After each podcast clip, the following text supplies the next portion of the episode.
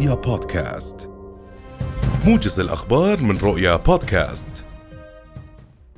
أكد نائب رئيس الوزراء ووزير الخارجية وشؤون المغتربين أيمن الصفدي أكد أن اللقاء الثلاثي الأردني المصري العراقي جدد التأكيد على رغبة الدول في الاستمرار في التعاون والتنسيق والتشاور خدمة لمصالح الدول الثلاث ولتحقيق الأمن والاستقرار في المنطقة. وقال خلال مؤتمر صحفي مشترك مع نظيره نائب رئيس الوزراء وزير الخارجية جمهورية العراق الشقيق ووزير جمهورية مصر العربية إن التعاون بين الدول الثلاثة يهدف إلى زيادة التعاون بين البلدان الثلاثة في قطاعات التجارة، الصناعة، الاقتصاد، النقل البري والربط الكهربائي والطاقة. بدأ أصحاب باصات نقل نقل عام عفوا وسائقو مركبات مرتبطة بتطبيقات ذكية في معان اضرابا عن العمل احتجاجا على رفع أسعار المحروقات بجميع أصنافها. يأتي ذلك غداة إضراب سائقي شاحنات لنقل النفط الخام إلى جانب مالكي وسائقي مركبات شاحنه ومشغلي خطوط نقل داخلي في محافظة الكرك.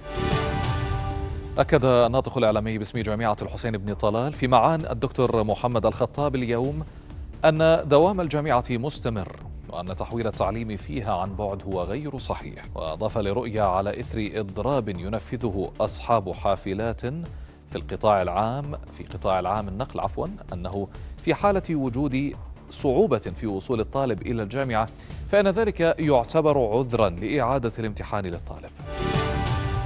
يستضيف موقع المختص اليوم اجتماعات دولية مكثفة برعاية ملكية لتعزيز مركز هذا المعلم الديني الأثري على خارطة السياحة العالمية. وتأتي هذه الاجتماعات بعد شهر على زيارة جلالة الملك عبد الله الثاني إلى الفاتيكان الذي أكد دعمه لبرامج تطوير المختص المتواصلة منذ مطلع الألفية بمباركة أممية. وبهذا يدخل المختص مرحلة تطوير جديدة بعد ربع قرن على اعتماده محجا مسيحيا. حدد المركز الوطني للطب الشرعي مدة التعطل لمصابي حادثة انهيار مبنيين اثنين في منطقة الويبد وسط العاصمة عمان لتتراوح بين أسابيع وحتى سنة كاملة.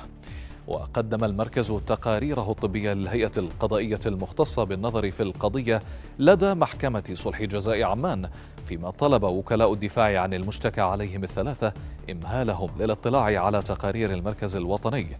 وقررت المحكمة رفع الجلسة حتى يوم الثلاثاء المقبل.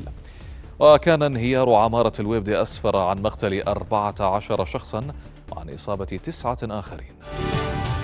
سحبت قوات الاحتلال الإسرائيلي من البلدة القديمة في محافظة نابلس بعد فشل قوة خاصة في اغتيال أحد مطاردي أو مطاردي مجموعة عرين الأسود وفق ما أفاد مراسل رؤية.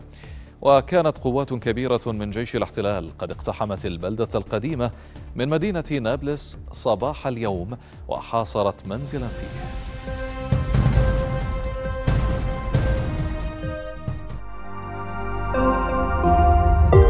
رؤيا بودكاست.